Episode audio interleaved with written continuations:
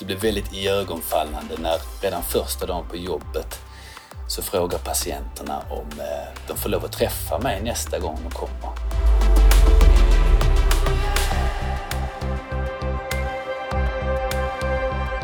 Så är det ju med sjukvården. Man får ju se det som, i varje fall primärvård och sekundärvård och även andra delar av sjukvården, det är ju som kommunicerande kärl. Så gör man ändringar på, på ena stället så kan man ju räkna med att det påverkar eh, flöden och så vidare på andra ställen i sjukvården. Hej och välkommen till Svampen. Vi är ST-rådet i Svensk förening för allmänmedicin, SVAM. Vi är ST-läkare och nyblivna specialister från hela Sverige och vi vill bidra till att föra allmänmedicinen framåt. I den här poddserien kommer vi att samtala med personer som på olika sätt brinner för att utveckla just sin del av hälso och sjukvården. De är alla eldsjälar och vi är intresserade av att få veta vad det är som driver dem och att lära oss av deras erfarenheter. Välkommen till Svampen!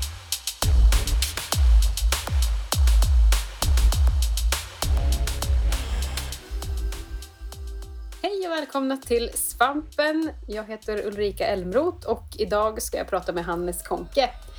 Du är ST-läkare i allmänmedicin i Bräkne-Hoby och dessutom medicinsk rådgivare i Region Blekinge. Eh, och eh, dessutom så fyller du din tid med att vara doktorand på institutionen för allmänmedicin på Lunds universitet. Jeps, det stämmer. Precis. Varmt välkommen! Tack så mycket, tackar. Väldigt kul att ha dig här. Ja, tack. tack. Eh, vad, berätta Hannes, vad brinner du för? Ja, det, det är stark, låter starkt att brinna för någonting. Eh, jag tänker professionellt i varje fall så är det ju det här med kontakten och berättelserna och det gränsar väl också till det personliga. Det är väl kanske många som känner så som sysslar med allmänmedicin men eh, de personliga berättelserna, det är det man tar med sig hem efter jobbet. Eh, det dåligt reglerade blodtrycket eller den förstörde prostatan, det är inget sånt man kommer ihåg. Men eh, så har det väl alltid varit att eh, jag blir lätt berörd och har väl av den anledningen dratt mig till allmänmedicinen. Så det, det är en sak som, som jag tycker om, kan man säga. Mm. Var det helt självklart från början att det skulle bli eh, allmänmedicin? Ja, faktiskt.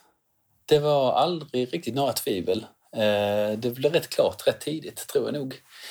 Eh, man hade någon första vecka på läkarstudiet, läste jag i Köpenhamn, där man skulle, den tidiga patientkontakten hette den kursen och det var väldigt trevligt att bara hade man en hel dag man skulle lyssna på någon patient som berättar om sitt liv. Det var det egentligen den enda uppgiften och det var trevligt och som sagt spännande historier och ofta inspirerande grejer man hör ju. Och så var det för mig också och på den banan blev det. Och eh, allmäntjänstgöring i Köpenhamn där det också blev min eh, första riktiga kontakt till eh, allmänmedicinen. Mhm. Berätta. Eh, jag tänker just eftersom vi förmodligen kommer till att prata om kontinuitet här senare så var ju det aldrig någonting som jag funderade över under min allmänmedicinska placering i Köpenhamn. Där är det ju så att man eh, det är privatpraktiserande läkare och eh, de har sin lista ju, eh, med patienter tillknutna och när jag jobbade där då, det var en liten Köpenhamnsmottagning vilket innebär att en läkare och hans fru då, hon var sjuksköterska och sekreterare och hade inrett sin mottagning i ja, en lägenhet i centrala Köpenhamn.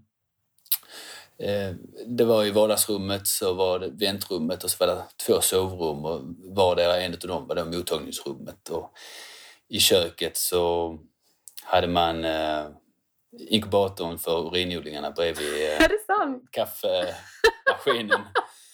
Och det var väldigt gemytligt och eh, det är klart, det kan man prata mycket om. Det finns säkert en del nackdelar med det också. Men det slående var ju att eh, min mentor då, som, som handled, man kallar handledaren, han hade ju haft den här praktiken i 30 år. Mm.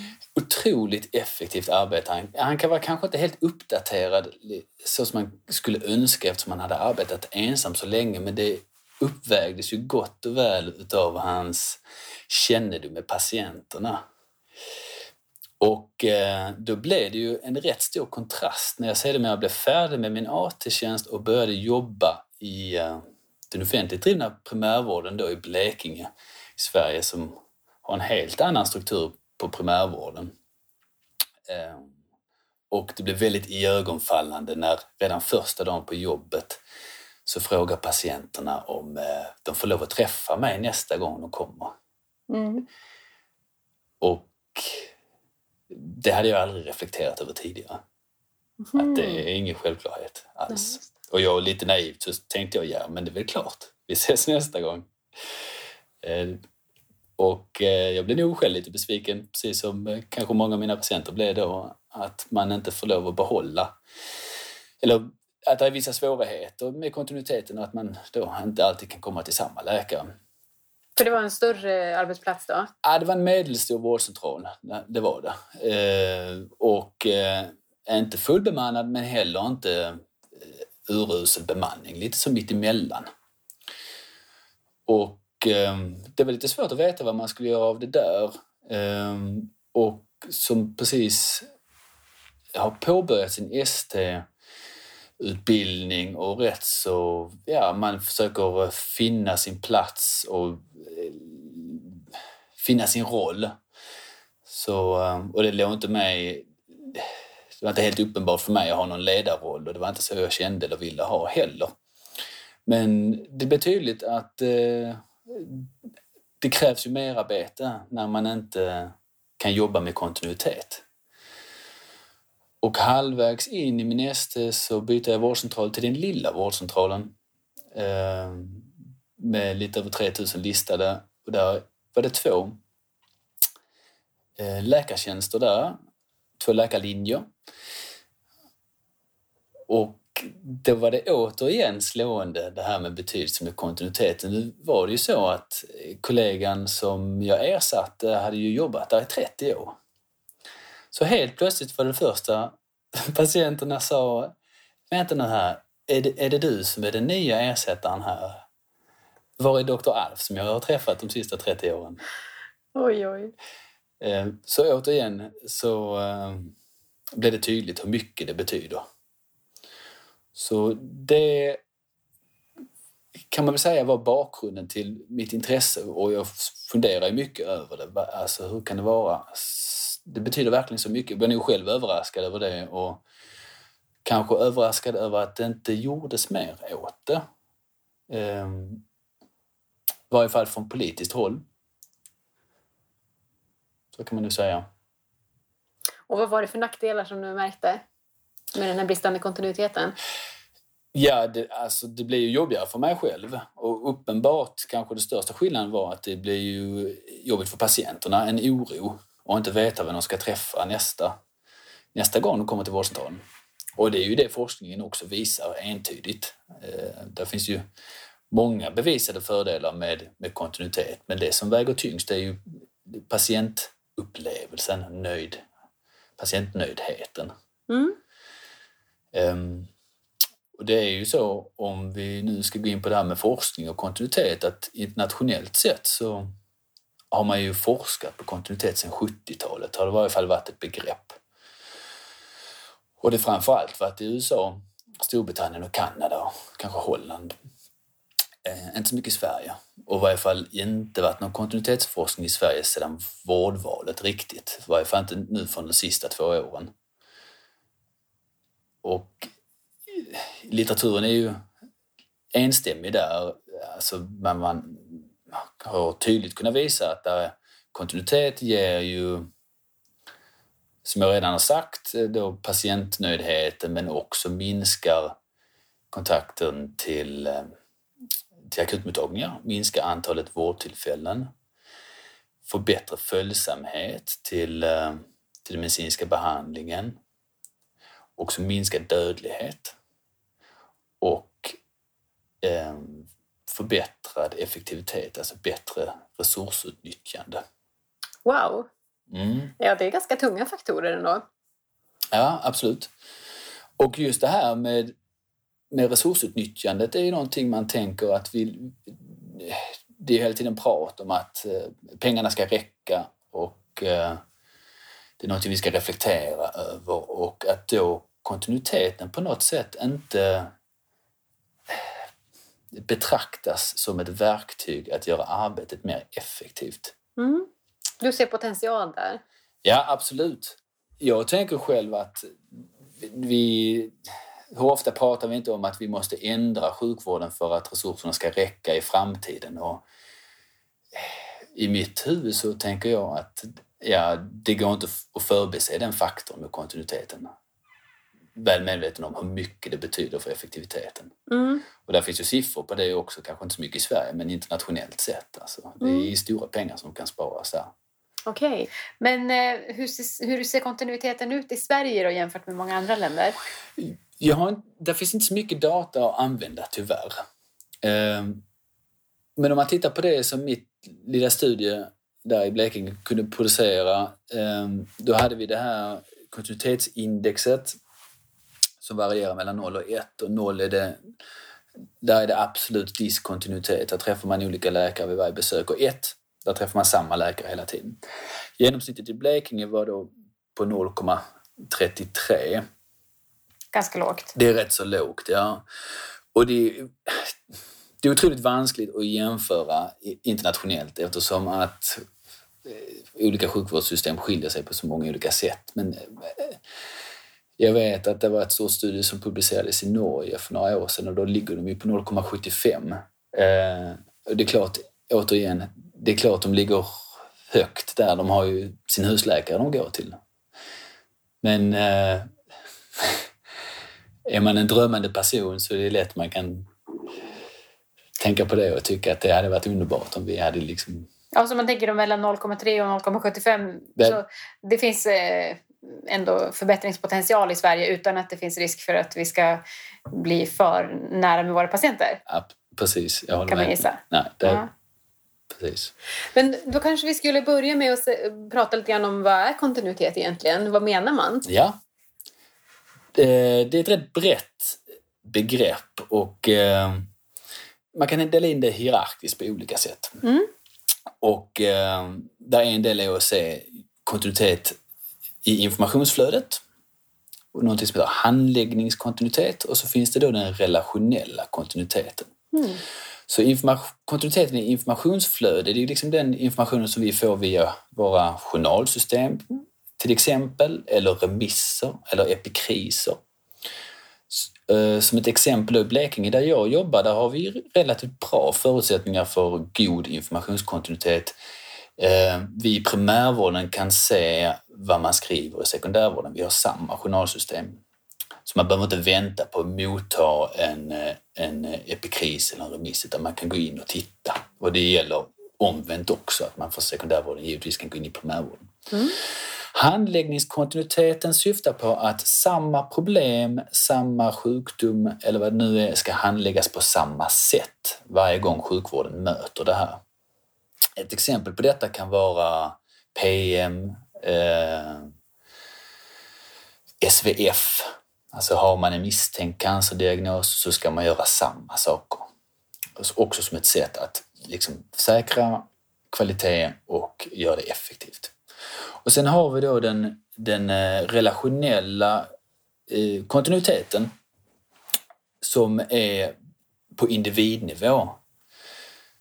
Den relationen som vårdtagare och vårdgivare har sinsemellan. Och eh, det kan vara lite svårare att definiera, särskilt i, i forskningssammanhang, om man nu ska liksom sätta ett nummer på det. För det kan ju vara allt ifrån att har man en jättegod relation så kan det vara att det kan fungera om man träffas någon enstaka gång om året och ändå känna att vi har en fin relation, vi förstår varandra.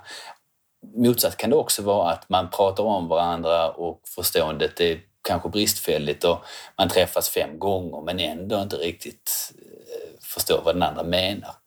Så det är lite svårare att sätta siffror på det och då är det ju i forskningssammanhang så använder man ju det som heter longitudinell kontinuitet och det är ett, helt och hållet ett matematiskt begrepp.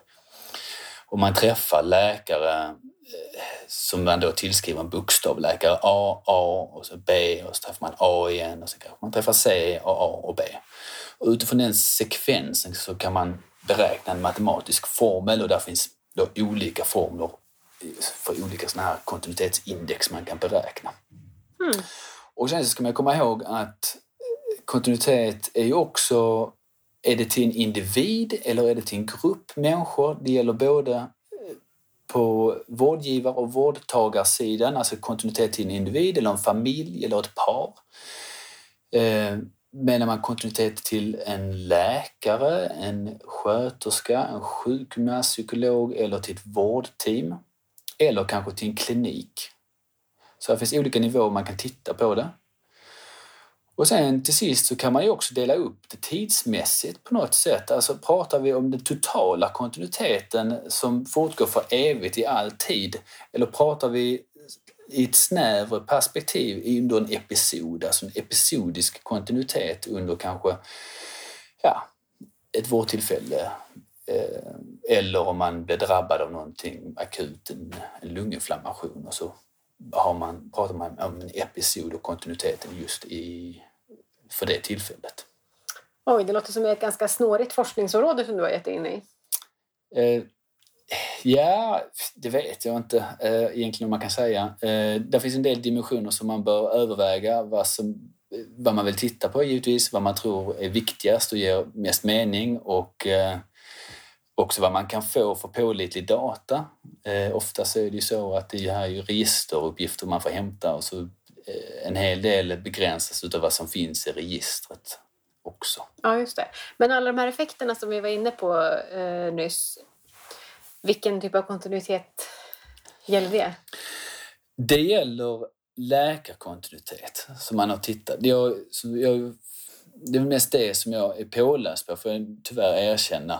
Eh, men givetvis så det finns ju bra mycket evidens också för andra vårdkategorier. Ja. Så man ska inte tro att det är det enda som gäller. Nej, om du är också i de länderna du nämnde så kan det ju vara också så att eh, deras sjukvårdssystem är upplagt på ett sådant sätt att man framförallt träffar läkare. Så kan det vara, precis. Mm. Och i Sverige så är det kanske många gånger den springande punkten, eller i varje fall har varit, just för att det har varit svårare att tillsätta läkartjänsterna på vårdcentralerna än för sköterskor och distriktssköterskor. Så där, därav har det väl kanske blivit mer intressant, kan man ju säga. Eftersom många gånger så eh, kontinuiteten kan bli lidande av en dålig bemanning. Mm. Så kan det vara. Men då är det mest den här relationella kontinuiteten vi pratar om då? Precis. Så jag tror man kan säga så när jag framöver pratar om, om kontinuitet så är det ju det jag kommer till att hänvisa till. Mm. Ja. Just det. Vad bra, då vet vi det. ja, Okej, okay. men eh, du sa att det finns olika kontinuitetsindex och sådär så att det går att kvantifiera då. Eh, men jag kan tänka mig att man kan även mäta patientens kontinuitet eller liksom någon sorts mm. upplevelse. Precis, den upplevda kontinuiteten är ju inte helt samma som eh, det som man kan mäta. Och det kanske egentligen det mest intressanta eh, vad patientperspektivet är. Det är ju trots allt eh, de vi arbetar för. Men eh, om man ska göra stu stora studier eh, så blir det ju krångligt att få... Det är inte helt okomplicerat. Nu är det så att det är registerforskning jag sysslar med i, i första hand eh, och på populationsbasis. Eh, just nu så samlar jag in data från hela Skåne och Blekinges totalpopulation. Och det kan man säga att det hade ju varit svårt att utföra med någon sorts enkätstudie. Det hade ställt helt andra krav. Mm. Men, eh, ja. Men då eh, ser man en rad olika effekter då när man mäter. Ja, vad sa du? Patientnöjdhet, det var det mest tydliga? Det är det som det finns mest vetenskaplig evidens för. Ja. Och det är också lätt att mäta kan man säga och fråga på så sätt om man har resurser att skicka ut tillräckligt många enkäter. Men det, det finns, och det sträcker sig sedan lång tid tillbaka också, absolut. Ehm, och sen så blir det, det är en utmaning att mäta, det beror ju på hur sjukvårdssystemet ser ut med akutkontakter. Vad räknar man som akutkontakter? Det finns akutkontakter på vårdcentralen, drop-in mottagningar, det finns jourläkarcentraler, närakuter och akuter. Så, eh, och vad man än mäter så finns det ju olika utmaningar och vårdtillfällen. När är ett vårdtillfälle onödigt och när är det befogat? Alltså det finns ju också forskning som säger att ja, men det, kontinuitet minskar alla sorters vårdtillfällen. Så då är det inte bara hos den man har kontinuitet hos utan även på andra ställen, som på sjukhuset och akutmottagningen och så? Precis, man, så är det ju med sjukvården. Man får ju se det som, i varje fall primärvård och sekundärvård och även andra delar av sjukvården, det är ju som kommunicerande kärl. Så gör man ändringar på, på ena stället så kan man ju räkna med att det påverkar eh, flöden och så vidare på andra ställen i sjukvården. Och jag tänker, det, får man ju, det är lätt man glömmer det när man gör ändringar lokalt eller regionalt. Det är alltid lättare att följa och mäta grejer på sin egen enhet och då, för att det ska ge mening i det stora hela så gäller det att ha något sorts större perspektiv. Mm. Och därför också nu, just den forskning jag planerar att göra framöver här nu med Blekinge och Skåne, att det är viktigt att ha med totalpopulationen. Mm. Eh, och då, det som jag tittar lite närmare på nu eh, är ju just vårdvalet som jag intresserar mig för också. Vad är det som händer med vårdvalet? Och det är ju, pratar man kontinuitet så måste man ha det i åtanke. Det är svårt att förbise de ändringar som gjordes med vårdvalet. Ehm, och det var 2010 det lagstadgades, det var LOVen som kom då, lagen om valfrihet och samtidigt så ändrar man regelverket att eh, det blir betydligt lättare att öppna en vårdcentral. Så vi får väldigt många fler vårdcentraler, många privatägda vårdcentraler Eh, med vårdvalet och eh, detta har man sett i efterföljande då att det framförallt varit i eh, städerna och mindre i glesbygd och även mindre i eh, i eh, områden där vårdbehovet är större och i socioekonomiskt belastade områden. Och med det som bakgrund kan man ju lätt, då kan man lätt tänka sig att eh, hypotesen är ju att har vårdvalet då inneburit att sjukvården har blivit mer ojämlik? Och det är lite det jag intresserar mig över och försöka kartlägga det och kartlägga huruvida kontinuitet, vilken roll har den spelat in i det här? Mm. Och hur har vårdvalet påverkat kontinuiteten? Hur ser det ut innan och efter vårdvalet? Ja, det låter ju som en väldigt relevant och intressant frågeställning. Mm. Men har du några föredata då? Ja, nu är jag ju rätt så tidig i min doktorandkarriär, men jag hade en artikel som publicerades i 2017 i Journal of Scandinavian Primary Healthcare. Och där tittade jag, det var en studie som eh, var Blekinge-fokuserad då. Det var 8000 blekingar som blev inkluderade. Och inkluderad blev man om man hade träffat läkare på en offentligt driven vårdcentral två gånger eh, per år under 2012, 13 och 14. Så totalt sex besök till läkare på de här tre åren. Då blev man inkluderad. Så det var cirka 8000. Och det jag mätte var vilken kontinuitet de här patienterna ånjöt och samvariationen med sökningar till jourläkarcentraler eller akuten. Och så får man ju korrigera från massa saker statistiskt för det är en hel del andra faktorer som påverkar här. Till exempel hur ofta man kommer till vårdcentralen, hur många kroniska sjukdomar man har, var man är listad, hur många gånger man omlistar sig.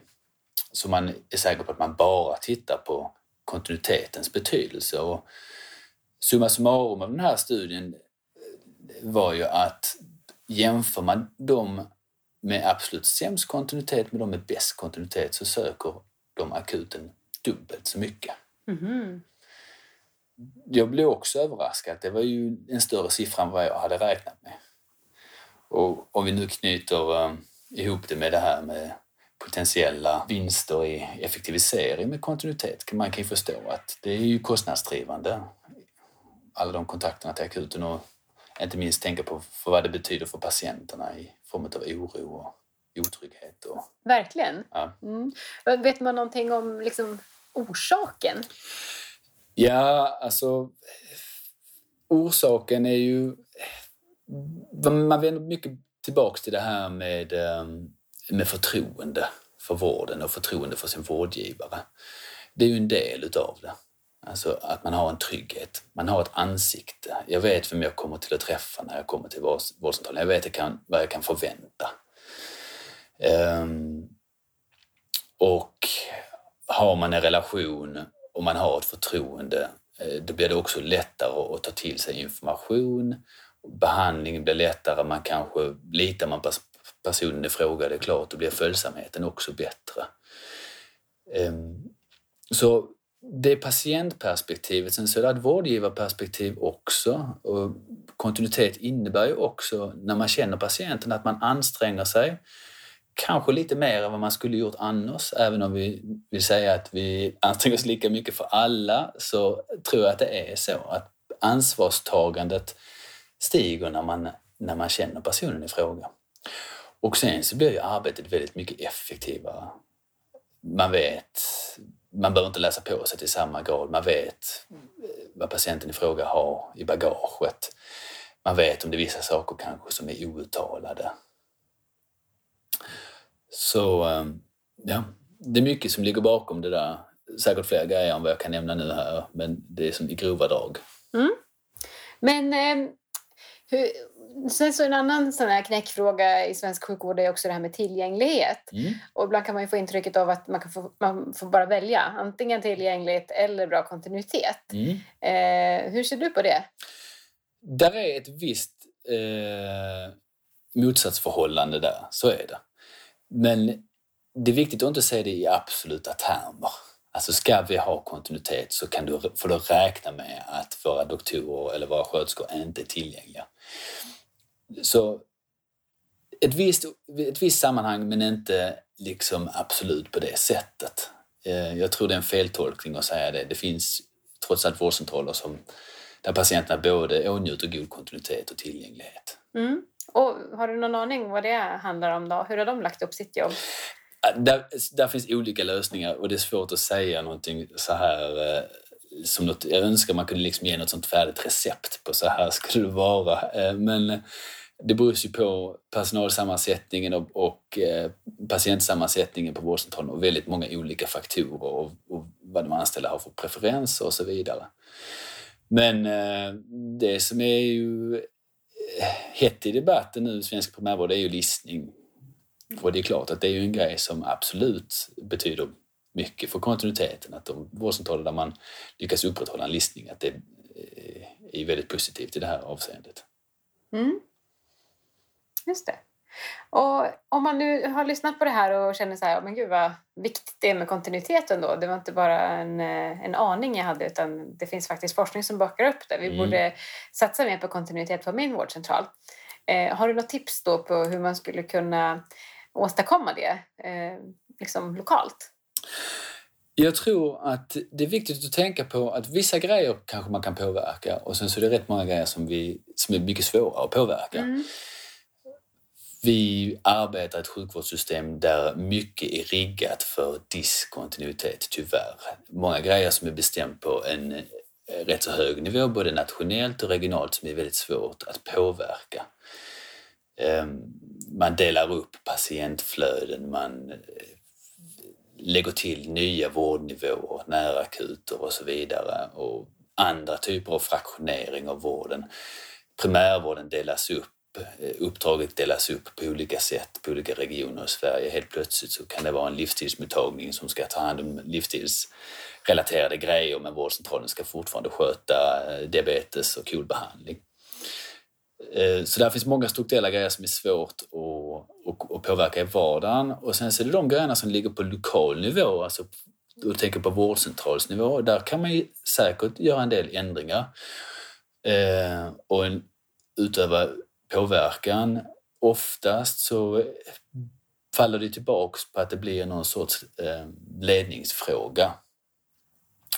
Och ser man i ett historiskt perspektiv så är utmaningen den att vårdcentralerna sedan 70-talet har blivit allt större och större. Och vi delar upp arbetet på vårdcentralen på ett annat sätt än vad vi gjorde tillbaka i tiden, alltså med olika mottagningar på vårdcentralerna. Vi ska ha astmakolsköterska och diabetesmottagning och där kanske är en livsstilsmottagning där också och drop-in mottagning. Vi har sköterskor i, eh, som sitter i telefon med triage som kanske inte jobbar så nära eh, de kliniskt aktiva läkarna eller distriktssköterskorna sådan uppdelning vilket gör det väldigt mycket svårare att få allting att hänga ihop. Ja, det finns ju många kreativa lösningar på bemanningssituationer i primärvården. Mm. Mm. Precis. Så, och det tror jag, där, där finns ett stort potential att arbeta eh, på den fronten lokalt. Oftast mycket man kan göra. Mm. mm. Så jag tror det, det är väl man får hålla det i åtanke om man skulle känna så att vi arbetar motvind och det känns hopplöst och nu har de beslutat det här i regionen av vårt vårdval och ersättningsmodeller och, och så här. Men, men jag tror ändå det finns mycket arbete man kan göra lokalt på vårdcentralen. Mm. Spännande. Eh, vet du om någon vårdcentral som har gjort något sådant arbete där man har satsat på att jobba mer med kontinuitet? Ja, jag har varit ut, fått förmånen att presentera min forskning på en hel del olika vårdcentraler och i olika sammanhang. Eh, och det är roligt att få höra historier, olika lösningar på olika ställen. Eh, det är väldigt stimulerande. Det som är slående är att på de ställena man har ett fungerande system där man har bra kontinuitet, att långt de flesta av de här vårdcentralerna är det förändringar som man har drivit från golvet personalstyrkan har satt i verk att man vill arbeta på ett annat sätt utifrån eh, arbetsmiljöhänsyn. Till exempel, då, men nu ska vi ha en lista här. Vi delar upp oss här. Vi ska ha en lista. Vi ska arbeta i team och vi ska lista per team för att eh, vi står inte ut med att eh, vi springer omkring som eh, höns och inte vet vilka patienter vi ska träffa. Och som konsekvens utav det har man då åstadkommit en bättre kontinuitet. Mm. Så har det varit eh, många av de ställen där jag har pratat där jag upplevt att här har man ett system som fungerar. Ja. Och på väldigt få ställen, inga jag kan minnas så här, är det någon som har sagt att ah, men vi har haft någon som har sagt till oss att nu så ska vi verkligen eh, fokusera på kontinuitet. Nu ska vi arbeta mer kontinuitetsorienterat, att det har kommit någonting uppifrån. Nej, just det. Mm. Ja, vad intressant. Så det, där har liksom det varit mer ett eh, personalinitiativ ja. som har gått så, att genomföra? Absolut, så mm. kan man säga. Ja, har det tagit lång tid att genomföra för dem? Det kan jag inte svara på precis. Det, det kan jag inte säga tyvärr. Det vet jag inte så mycket om. Nej. Eh. Nej, det förstår jag. Men är det något mer som du tycker vore intressant att framhäva här just när det gäller vikten av kontinuitet? Jag tänker på det här sista som vi pratade om, just med att det är något som drivs från golvet. Och det är ju faktiskt något som vi allmänläkare som generalister, om man frågar oss så är det ju varför arbetar vi som generalister? Eh, det är för att vi gillar ombytet med arbete. Jag tror det är rankat som nummer ett om man tittar på olika undersökningar. Men nummer två strax därefter är möjligheterna att skapa en meningsfull relation med patienterna. Mm. Så då är vi tillbaka där igen. Eh, om man ska bygga den här välfungerande vårdcentralen. Att man, man kan helt enkelt inte förbise det. Ja, just det. Ja, så det kan vara ett rekryteringsargument också? Absolut. Jag tror aldrig jag, om jag någonsin byter vårdcentral eller letar efter nytt arbete så är det ju en given fråga att ställa. Hur har ni kontinuiteten här? Man skulle önska, man, man frågar ofta saker som bemanning och så vidare. Men kontinuitet, absolut. Jag skulle gärna vilja ha en siffra. Ja, just det. ja. Men alltså, kan det inte finnas några nackdelar också? Absolut. Det finns säkert många nackdelar och eh, det är klart att ibland, eh, ibland, det är inte alltid man har ett samarbete som fungerar. Och då är ju frågan om man ska fortsätta med det. Det kan vara att man som behandlare tycker att men vi förstår inte varandra. Det har kommit någonting i vägen. Eh, eller på patienten likaså tycker att eh, den här doktorn förstår mig inte. Eh, givetvis om man kommer väldigt nära varandra då som patient och behandlare så är det ju också det här med att man får en, man får en relation som man måste förhålla sig till också när man ska ge patienten råd och behandla. Alltså, det ligger kanske en liten fara i att bli för nära. För att man blir, har man en kompisrelation så är inte det helt okomplicerat. Det är ju därför vi inte så gärna är doktorer åt våra nära kompisar och familjemedlemmar. Så det är också någonting som kan komplicera. Och sen så är det klart om man nu eh, ska byta vårdcentral till exempel. Det kan vara många som blir besvikna. Eh, och eh, tendensen är väl att folk rör på sig mer nu än vad man gjorde kanske för 30 år. Mm. Så det är också en, vad är realistiskt och ha för målsättning? Mm. Finns nog mycket mer man kan säga om det. det så jag kan komma på omedelbart så här. Eh, jag tänkte det kunde vara lite intressant att prata om det här med att du är medicinsk rådgivare också. Ja. Eh, redan under din ST. Det mm. låter jätteintressant. Men eh, vad gör du? Ja, bra fråga. Eh, det är inte helt definierat. Det är rätt nytt får jag säga. Ehm, och eh, det har nog kommit lite ur mitt intresse för kontinuitet eftersom att det är så väldigt nära knutet till, till vårdkvalitet faktiskt. Så just nu har jag mer fungerat som vår chefsläkares eh, extra, extra hjälp mm. i ärenden, patientärenden eh, där någonting går fel och bedömningar vad som ska göras och utredning och IVO-anmälningar och så här.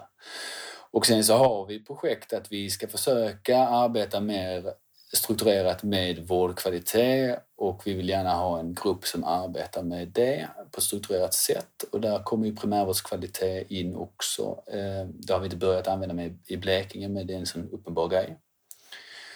Och vi har tidigare inte haft en given röst för allmänläkargruppen i Blekinge bortsett från då vi har det fackliga och vi har svammen, ingenting i den offentliga eh, vården. Och det är någonting som vi måste ha också. Eh, övriga kliniker eh, bestämmer hur de vill att primärvården ska fungera. Då är det också viktigt att vi kan ha en gemensam röst och svara för oss hur vi vill att det ska vara. Ja. Mm. Så det är nog mest det som, som upptar uh, mitt arbete som medicinsk rådgivare just nu. Ja, det låter som att du har en del att ta itu med ändå. Ja. ja, vad spännande. Har du någon no, no litteraturtips till den som vill eh, grotta vidare?